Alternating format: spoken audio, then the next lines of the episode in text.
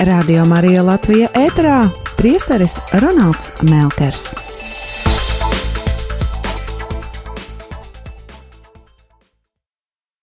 Turpmākajā stundā lasīsim un pārdomāsim Dievu vārdu, ko baznīcas liturģija mums ir sagatavojusi Lieldienu laika piektajai svētdienai.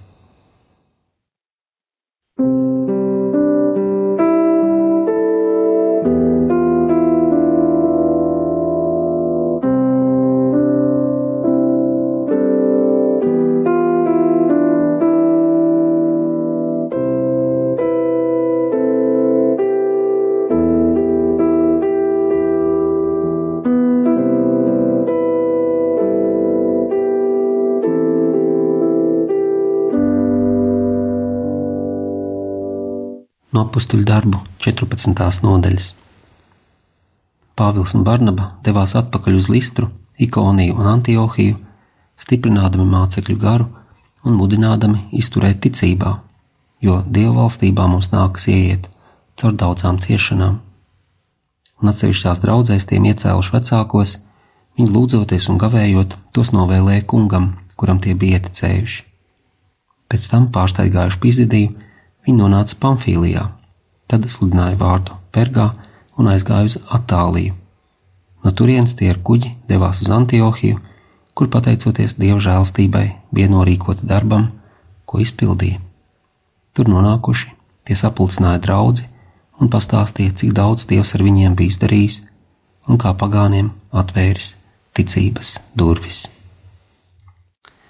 Mēs esam Svētā Pāvila pirmajā misionārajā ceļojumā, atpakaļceļā, un es jums atgādinu šīs pirmās misijas sākumu, tad Sīrijas Antiohijā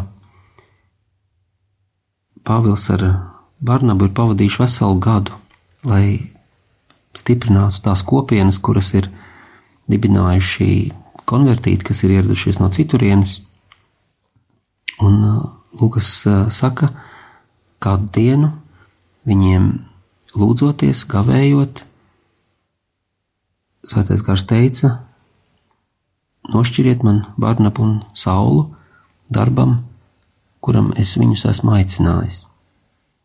Lūk, viņi jā, dodas ceļā ar kuģi uz caur Kipru, uz uh, tagadējās Turcijas uh, dienvidu piekrasti, un viņi apstājas uh, Pizdijas Antiohijā,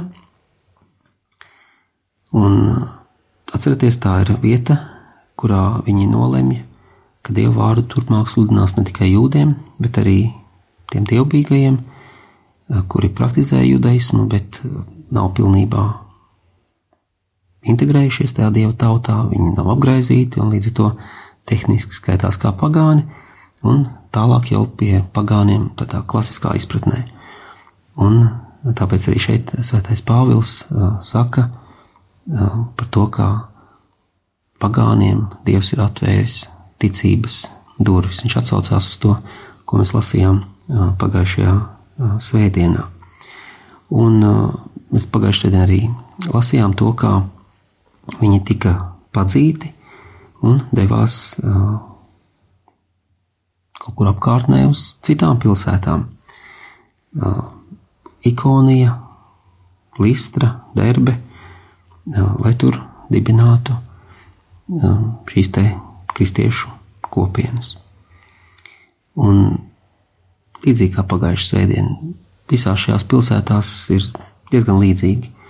No vienas puses ir entuziasti, kas viņus uzņem ar prieku un, un pieņem Kristu, kļūst par kristiešiem, veido šīs jaunās kopienas, un ir otri, kuri ne tikai nepiekrīt tam, ko Pāvils un Barnaba sludina, bet ļoti aktīvi pret to cīnās ar tādu reizēm fizisku vardarbību, ar intrigām, ar uh, sakūdīšanu. Un uh, Listrā varbūt tas tā ļoti, ļoti kontrastaini, jo no vienas puses viņi tiek uzņemti ar tik lielu entuziasmu, ka viņi tiek nosaukti par Hermesu un Zeusu, un viņiem tiek nesti upuri un saules vai pāvils. Viņš nezina, ko darīt, viņš nezina, kā viņus apstādināt, lai viņi to nedara. Viņš saka, mēs esam tikai cilvēki.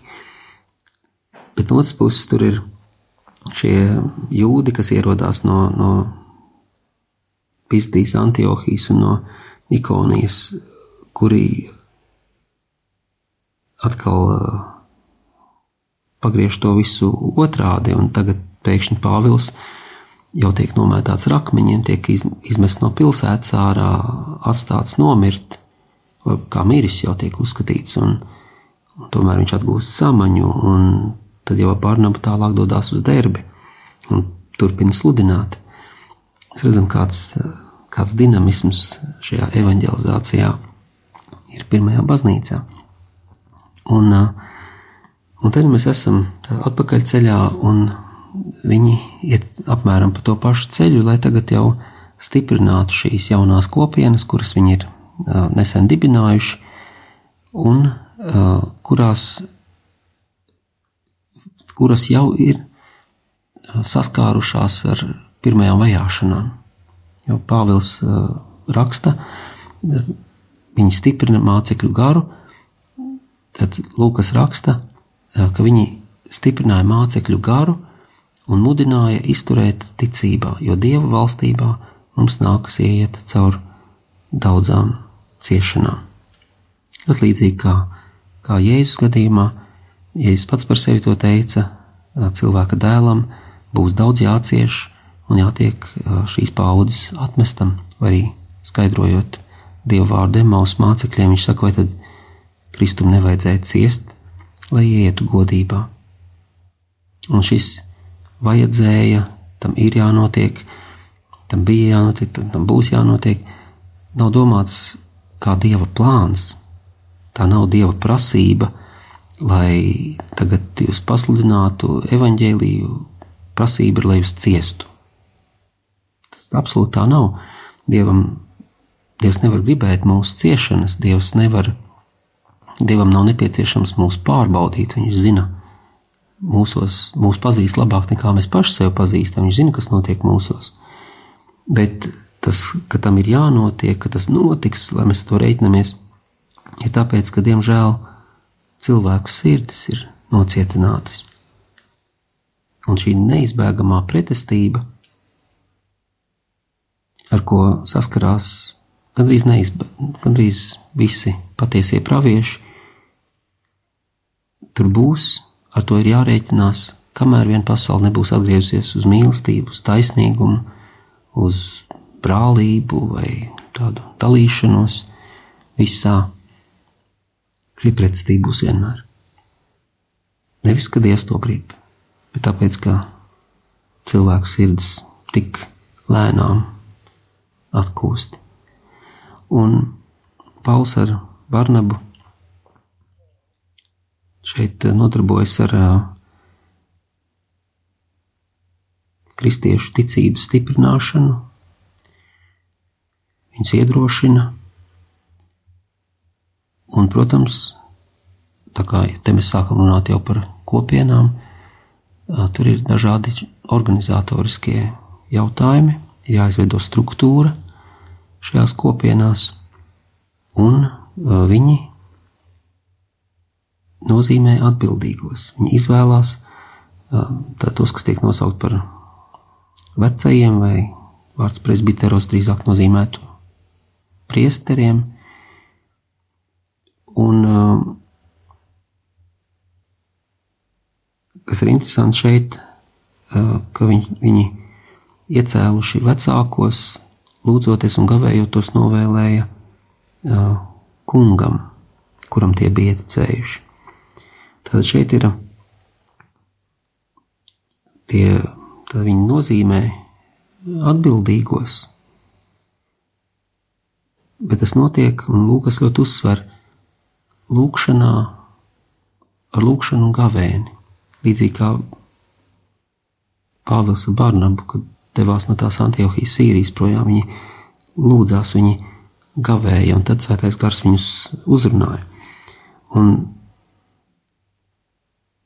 abi divi ir svarīgi. Jo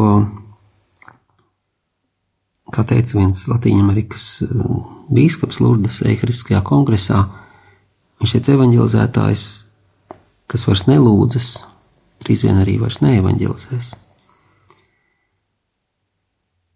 Mums arī bieži vien šķiet, ka, ja mēs gribētu izkustināt draugus uz jaunu evanģelizāciju, ka ir jāsāk ar struktūrām, jāsāk ar organizēšanu, tas viss būs vajadzīgs. Bet ir jāsāk ar lūkšanu, ir jāsāk ar atpazīšanu, ir jāsāk ar, ar ora. Un tam obligāti sekos labora, bet viens bez otra nedarbosies. Un šeit mums Lūkas parāda, cik ļoti viņi uzticās Dievam, tad viņi tiek uh, novēlēti, lūdzoties un gavējot novēlēti kungam. Viņiem tiek uzticēta atbildība, tad viņi deleģē. Tagad, tā ir, tagad tas ir viņu rokās, šīs jaunās kopienas. Un uh, Sauls ar Barnabu viņi, viņi paši ir piedzīvojuši, ka Dievs rūpējas ka Dievs var caur cilvēku darīt lielas lietas, un viņi uzticās, ka Dievs arī caur šiem jaunajiem presbiteriem darīs lielas lietas. Viņi nav vieni paši šajā atbildīgajā evanģelizācijas darbā. Mums tālāk arī ir teikts, ka viņi, pateicoties Dieva žēlstībai, bija norīko darbam, ko izpildīja.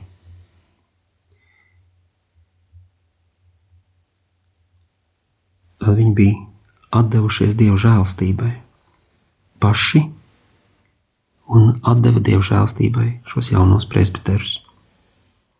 Un tālāk Lūkas turpina, ka tad, kad viņi ieradās Antiohijā, viņi sapulcināja draugu un pastāstīja, cik daudz Dievs ar viņiem bija izdarījis.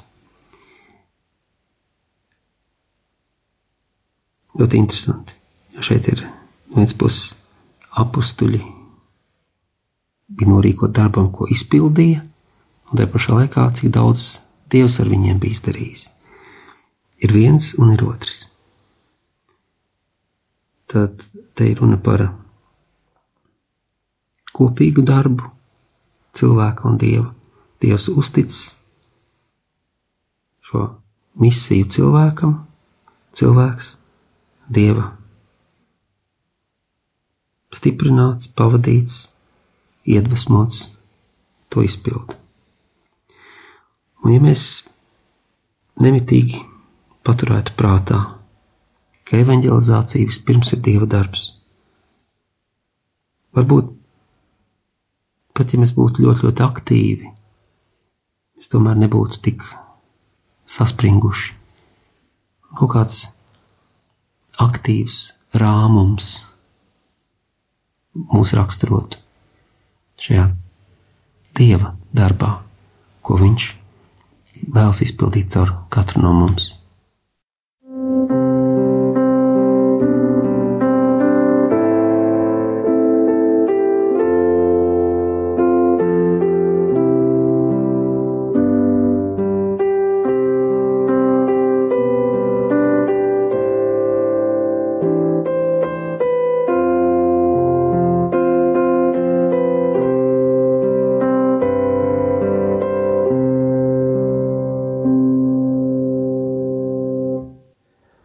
145. psalms. Kungs ir žēlsirdīgs un labvēlīgs, lēnprātīgs un ļoti saudzīgs. Kungs ir labs pret visiem, un žēlsirdība ir visos viņa darbos. Lai slavē tevi, kungs, visi tavi darbi, un lai tevi svētie tevi cildina, lai viņi stāsta par tavas valstības slavu un tavu varenību, lai sludina, lai cilvēku bērniem dara zināmu tavu varu un tavas valstības godību, tava valstība ir valstība uz visiem mūžiem, un tava valdīšana uz visām paudžu paudzēm. Psalmā, ko baznīcas liturģija ir izvēlējusies lieldienu laika piektajai svētdienai, patiesībā ir 21 pants, Un tas vienmēr ir mazliet savādi, ka mēs izvēlamies dažus tikai no šiem pantiem. Tas būtu tāpat kā no kāda dzējoļa izmest ārā divas trešdaļas, un iespējams mēs justos mazliet uh, aplaupīti. Bet šeit ir uh, nozīme abiem diviem, gan tātad šim 21. pantam, gan arī tiem sešiem, kurus baznīca ir izvēlējusies. Tas pilnīgi noteikti nav, nav nejauši. Un sākumā par 21. pantu, kad mēs kaut ko tādu psalmos pamanām, mēs varam būt gandrīz droši, ka runa ir par alfabētisko psalmu. Jo ebreju alfabētā ir 21 uh, burts.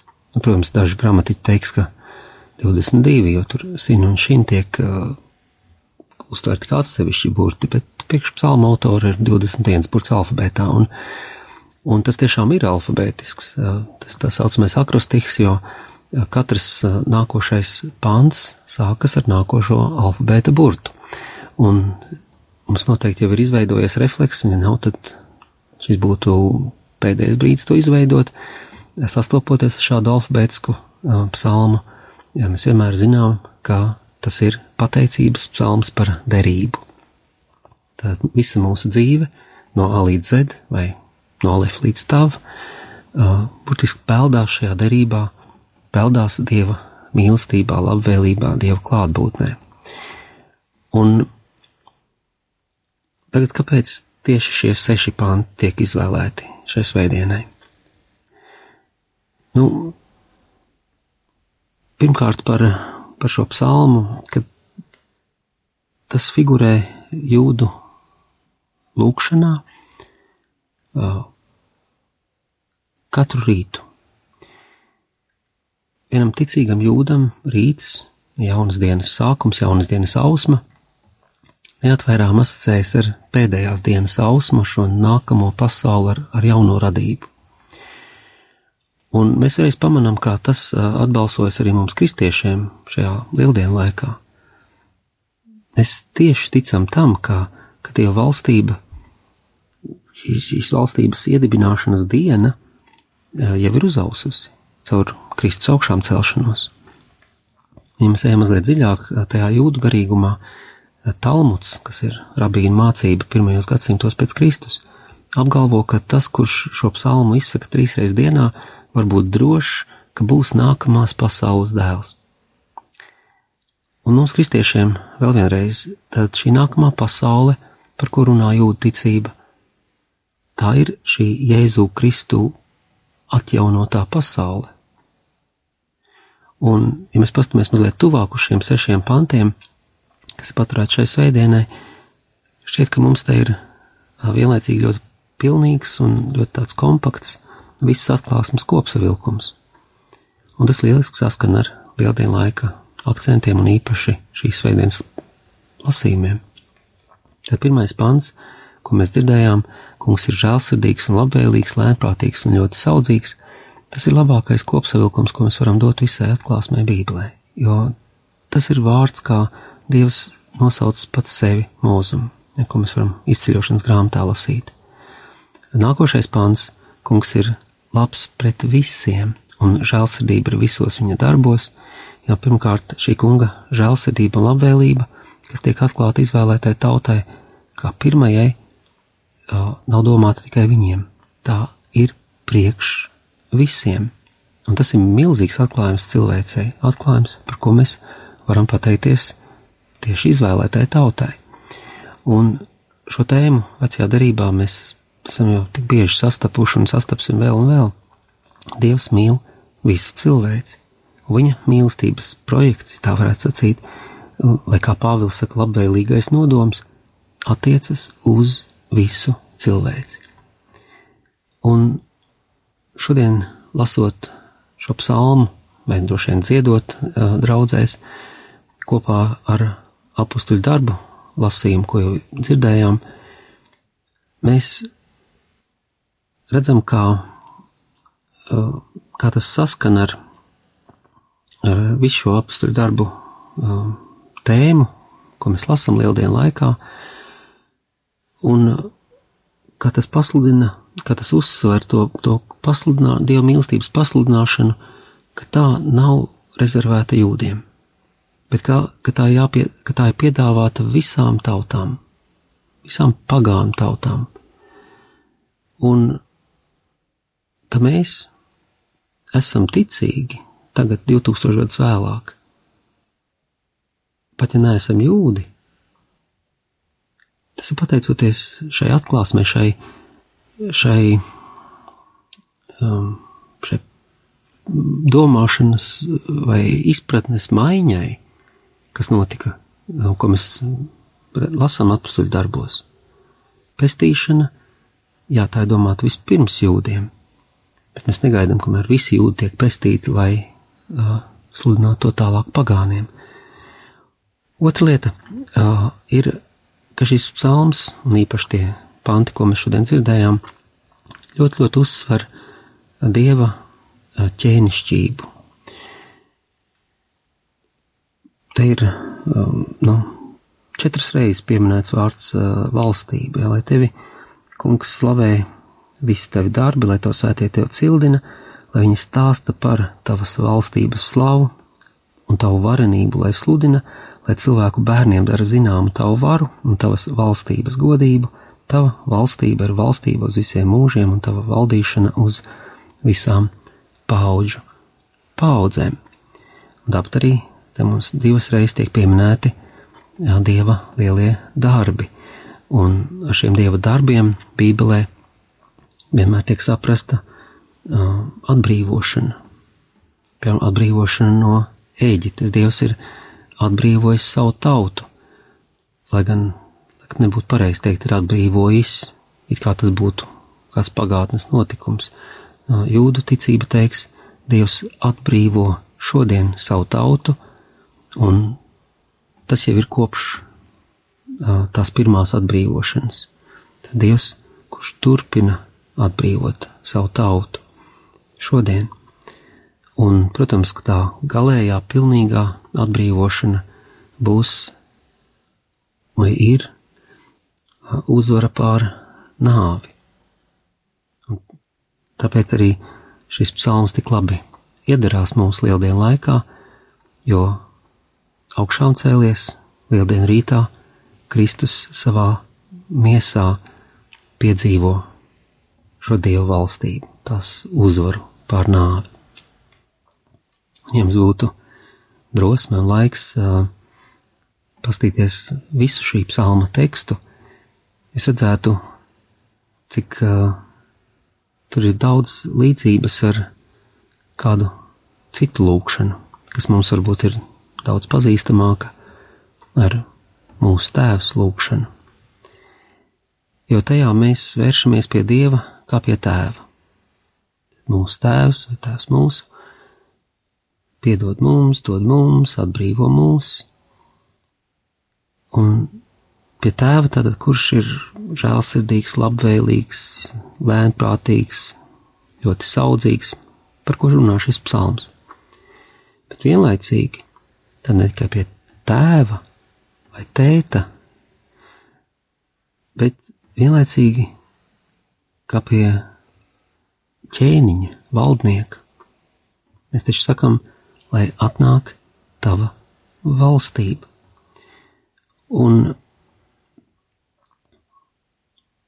tas nav nekas pārsteidzošs, ka šis psalms ir tik līdzīgs mūsu tēvs lūgšanai, jo tās frāzes, ko Jēzus tajā ietver, viņas jau ir daļa no jūdu lūgšanas viņa laikā. Reizē tēvs un reizē ķēniņš. Un domāju tālāk par šo psalmu, tad, kad tas tiek uh, sarakstīts. Ar šo uzsvaru uz uh, dieva uh, ķēnišķību, uz viņa valstību, valdīšanu. Tas arī ir viens veids, kā pateikt, mēs vairs neusticēsimies elkiem, mūsu vienīgais ķēniņš, mūsu vienīgais kungs ir Dievs, mīlestības Dievs, žēlsirdīgs labvēlīgs, lēnprātīgs un ļoti saudzīgs. Un kad savukārt mēs, kā kristieši, teiksim šo psalmu, mēs zināsim, par ko mēs runājam. Jo Jēzu Kristu šajā ķēniņā, kas ir kalps, ķēniņā, kas ir tik pazemīgs savās ciešanās un tik triumfējošs savā uzvarā pār nāvi augšām ceļoties. Mēs šajā ķēniņā esam atklājuši visuma valdnieka klātbūtni. Kā jau Jēzus pats to teica, kas mani ir redzējis, ir redzējis tēvu.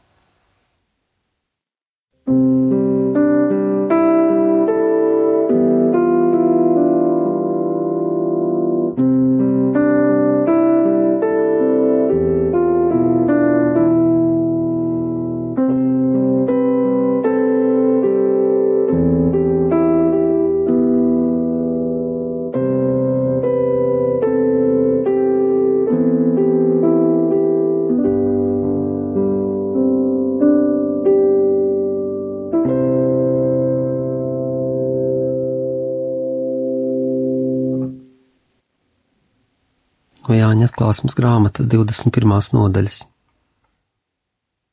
Es Jānis redzēju jaunas debesis un jaunu zemi, jo pirmās debesis un pirmā zeme bija pagājušas, un arī jūras vairs nebija. Un es redzēju svēto pilsētu, jauno Jeruzālemi, nokāpjam no debesīm, no dieva, sagatavotu kā līgavu, kas izgraznojusies savam vīram un es dzirdēju skaļu balsi runājam no troņa: Lūk, dieva mājoklis pie cilvēkiem, viņš dzīvos pie tiem, un tie būs viņa tauta, un pats dievs būs pie viņiem, viņu dievs. Un viņš noslaucīs ikvienu asaru no viņu acīm, un nāves vairs nebūs. Vairs nebūs ne sēru, ne vaimanu, ne sāpju, jo agrākais ir pagājis un tas, kurš sēdēja tronī, sacīja: Lūk, es visu daru jaunu. Lūk, es visu daru jaunu. Jaunas debesis, jauna zeme, jauna Jeruzāleme, lūk, nākotne, kādu mums apraksta Svētais Jānis. Mūsu nāk otne. Vienā vārdā tā, kas nāk, tas, kas mūs sagaida nākotnē. Vairs nav asaru, vairs nav nāves, nav sāpju saucienu, nav skumju, tas viss ir pagājis. Pirmās debesis, pirmā zeme pazudušas. Citiem vārdos sakot, beigušās, to vairs nav. Tā ir pagātne, aizgājušās lietas. Un, protams, kā šeit Jānis skatās uz priekšu, un viņš mūs tam sagatavo. Un atcerieties, ka atklāsmes grāmata tā ir vīziju grāmata mums tiek atklāta nākotne, lai mums dotu drosmi, spēku, izturēt tagadni. Pirmās debesis, pirmā zeme. Tas, protams, mūs aizved uz šo te radīšanas stāstu Bībelē. Un, lai saprastu šo atklāsmes grāmatas tekstu, mums uh, noteikti ir jāizskatās radīšanas grāmatā. Un pati pirmā nodaļa tajā mums runā par uh, radīšanu, par radību. Tas, ko atklāsmes grāmata savukārt sauc par pirmo radību. Un mums tiek teikts, ka tā visa bija laba.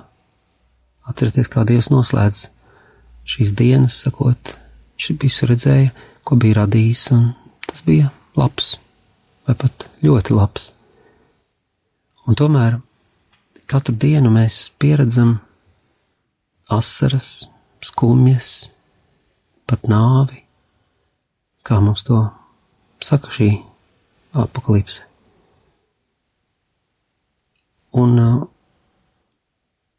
tajā radīšanas grāmatas stāsta turpinājumā, kur parādās aizliegtais auglis,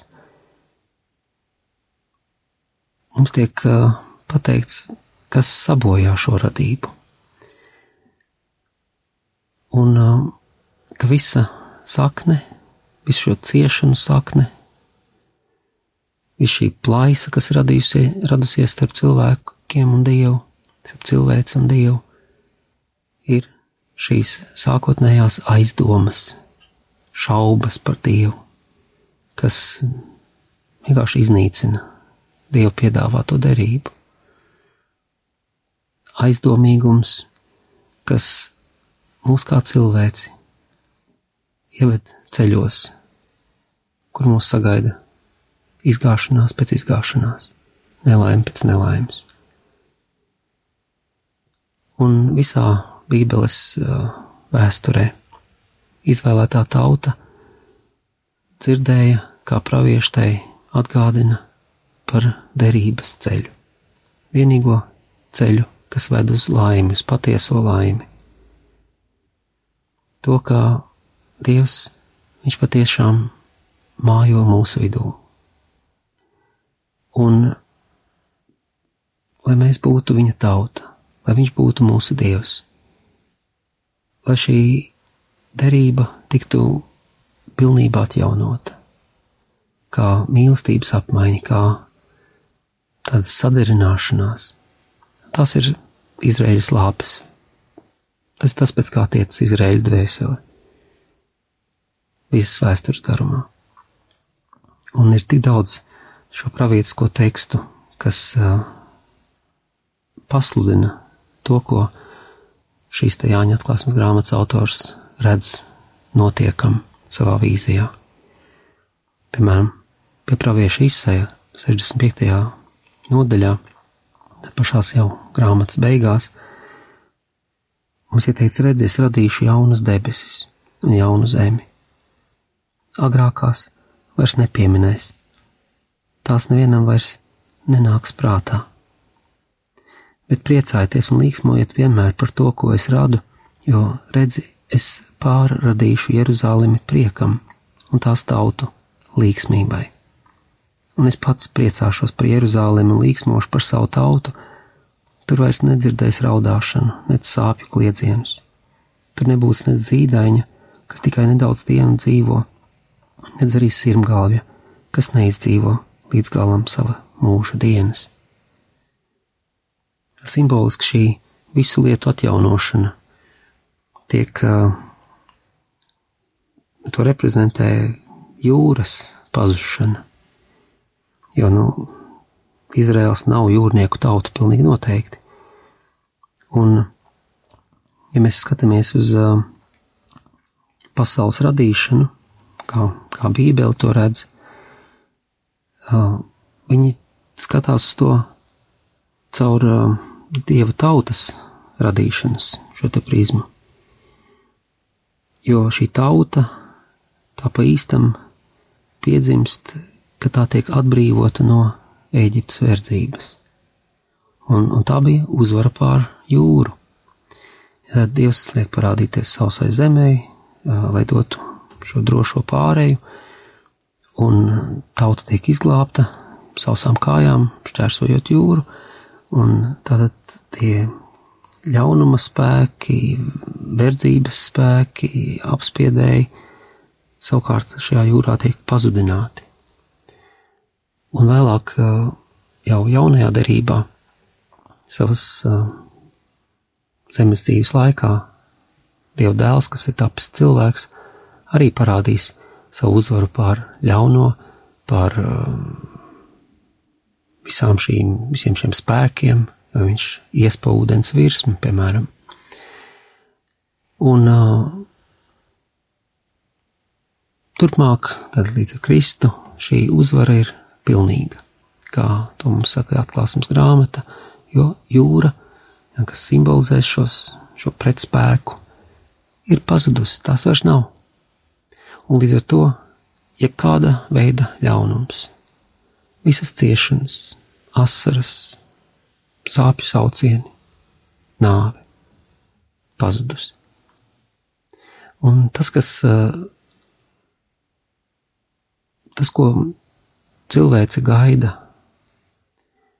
varbūt pati to īsti neapzinoties, tas, ko visa radība, viss visums gaida, ir, kad pilnībā piepildīsies šis dieva plāns, kas ir, ko Dievs veido jau kopš pasaules radīšanas. Iedibināt ar cilvēci derību, bez jebkādām ēnām, bez jebkādiem sārņiem pilnīgu mīlestības apmaiņu. Un šī te laulības vai kāzu tēma jā, starp dievu un, un cilvēkiem mums vienmēr šķiet tāda liela uzdrīkstēšanās, bet te pašā laikā Bībelē tā ir ļoti, ļoti klātesoša. Vai tas būtu pravietis Oseja vai Isaja, vai tajā pat uh, dziesmu dziesmā mēs to sastopam diezgan bieži. Un, protams, tā ir arī klātsoša jaunajā darībā, kaut vai iedomāsimies par jēzus pirmo brīnumu, ko viņš izdara galais kānā uh, kāzās. Jā, un šis nav vienīgais piemērs, protams. Un uh, tad mūsu šajā atklāsmes uh, grāmatas tekstā, kas ir piedāvāts šai dienai, šai svētdienai, Mēs dzirdam šo apsolījumu izteiktu divos, divos veidos. Vispirms ir runa par eh, jauno Jeruzālemi, kas ir sagatavota kā līgava, izgraznojusies savam vīram. Un pēc tam nākošais uh, uzsvars ir dieva mājoklis pie cilvēkiem. Viņš dzīvos pie tiem. Dievs būs pie viņiem, viņu Dievs.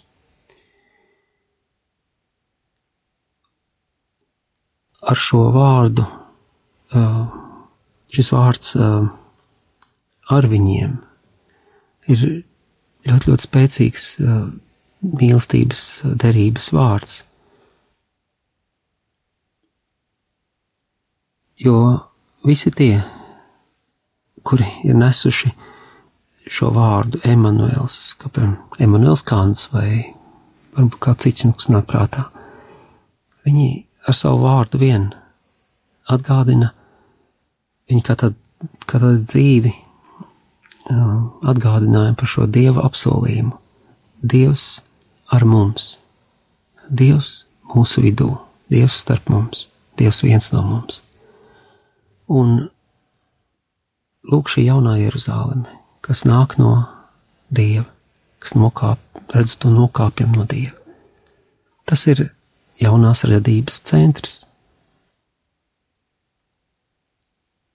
Un gadsimtiem ilgi jā, tas simbolizēs šo, šīs tautas ilgas gaidīšanu, jo vārds Jeruzāleme nozīmē taisnības un miera pilsēta.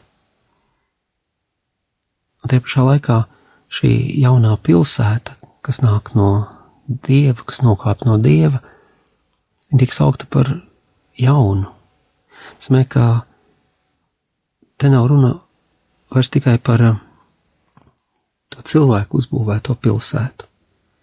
Tas jau nozīmē, ka dieva valstība, kuru mēs gaidām, un kuras pie kuras atnākšanas mēs arī te visi strādājam, tā vienlaicīgi turpina šo, šo, šo pasauli. Un te pašā laikā tā ir, tur ir pārāms, tas ir kaut kas pilnīgi jauns. Un tas ir iemesls, kāpēc mēs eh, tik ļoti daudz pūles esam gatavi tam veltīt.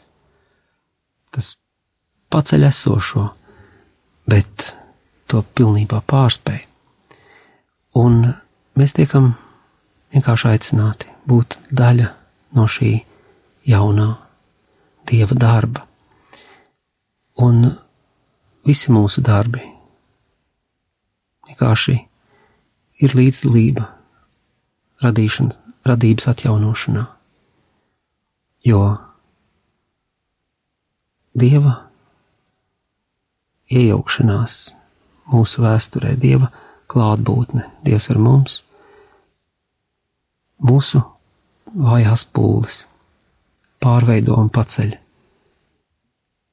līdz dieva darba līmenim.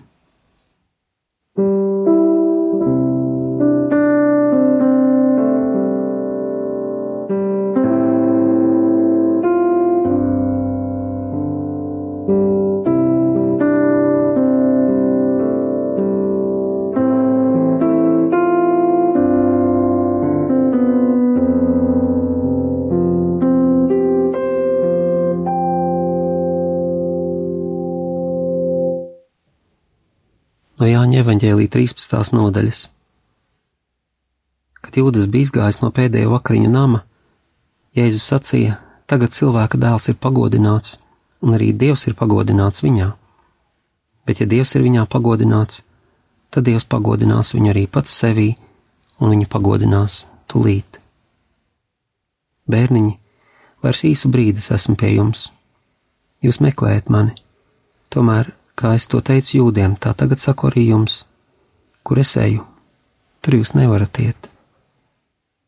Es jums dodu jaunu bausli, lai jūs cits citu mīlētu. Lai tāpat kā es jūs mīlēju, arī jūs cits citu mīlētu. Pēc tā visi pazīs, ka jūs esat mani mācekļi, ja jums būs mīlestība citam pret citu.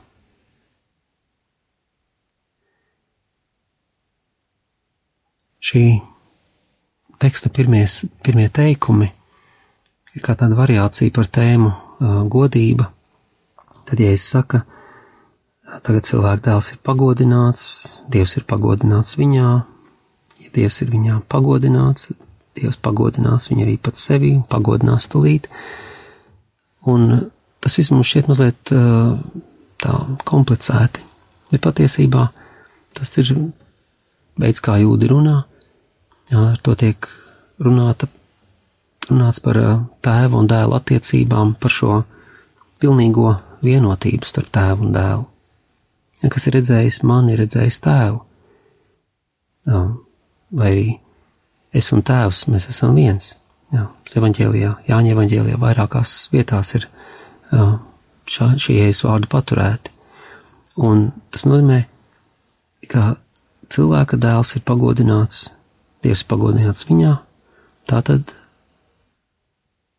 dēls ir tēva atspūgs, un uh, tas mums arī lieku reiz atgādina, jā, ka ir svarīgi pie šiem varbūt reizēm sarežģītiem vārdiem pakavēties, apstāties, uh, ieiet tajos, iet mazliet dziļāk to nozīmē.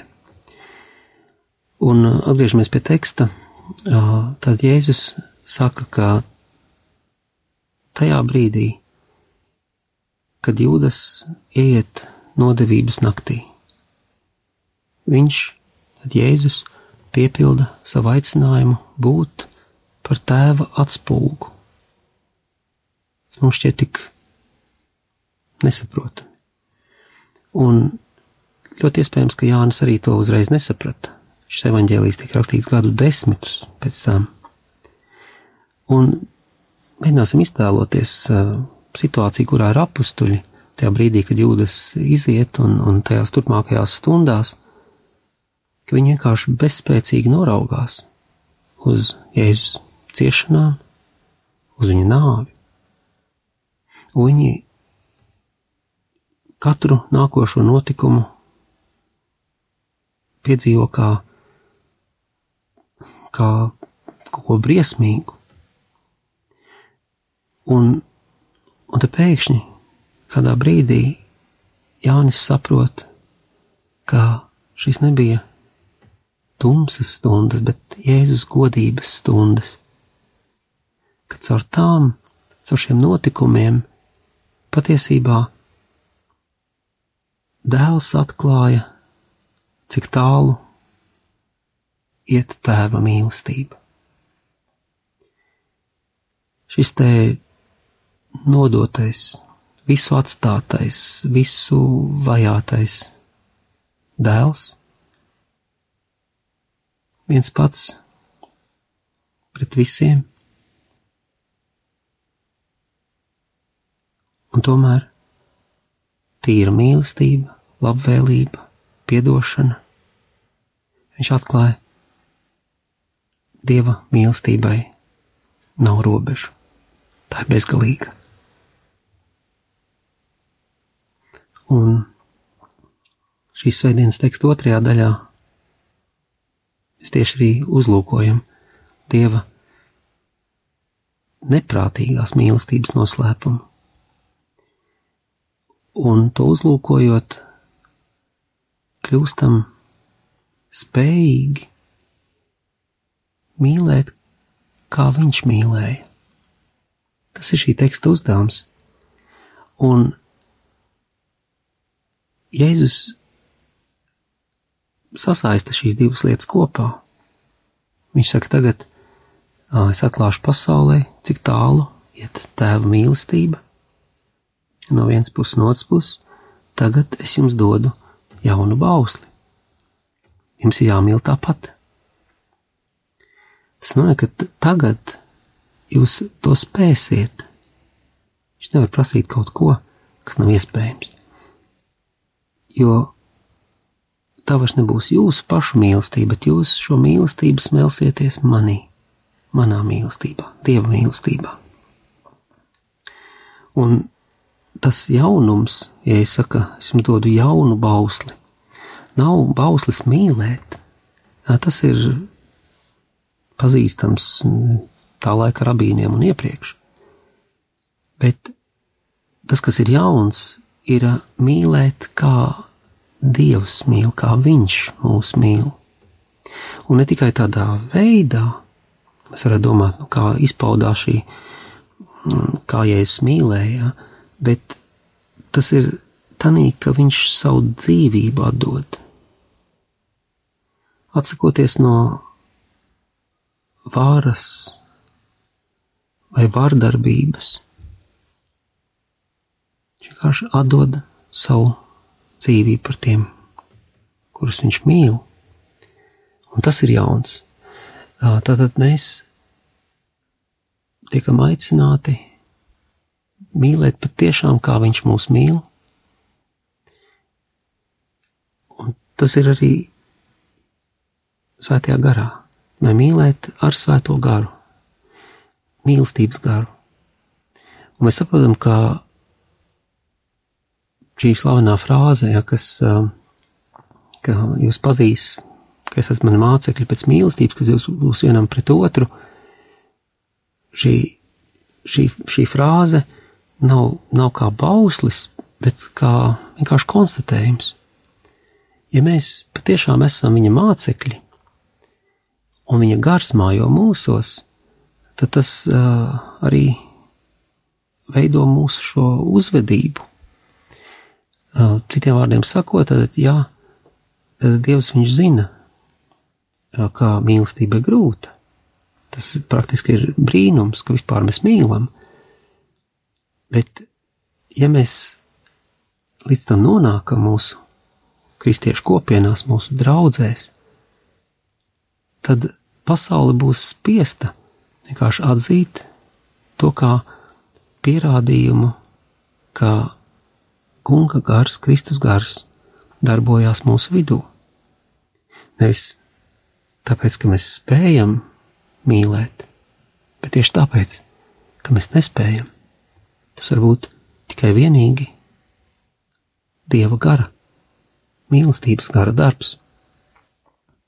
Un tad mēs tiekam aicināti spērt šo soli ticībā, ticēt, ka Dieva mīlestības gars mājo mūsos, ka šie bezgalīgie mīlestības resursi, kas ir Dievā, mums ir pieejami, ka mēs spējam, ka mūsos ir šis, tas, ko mēs varbūt nenojaušam, bet ka šī spēja mīlēt, kas ir Jēzum, ir arī mums.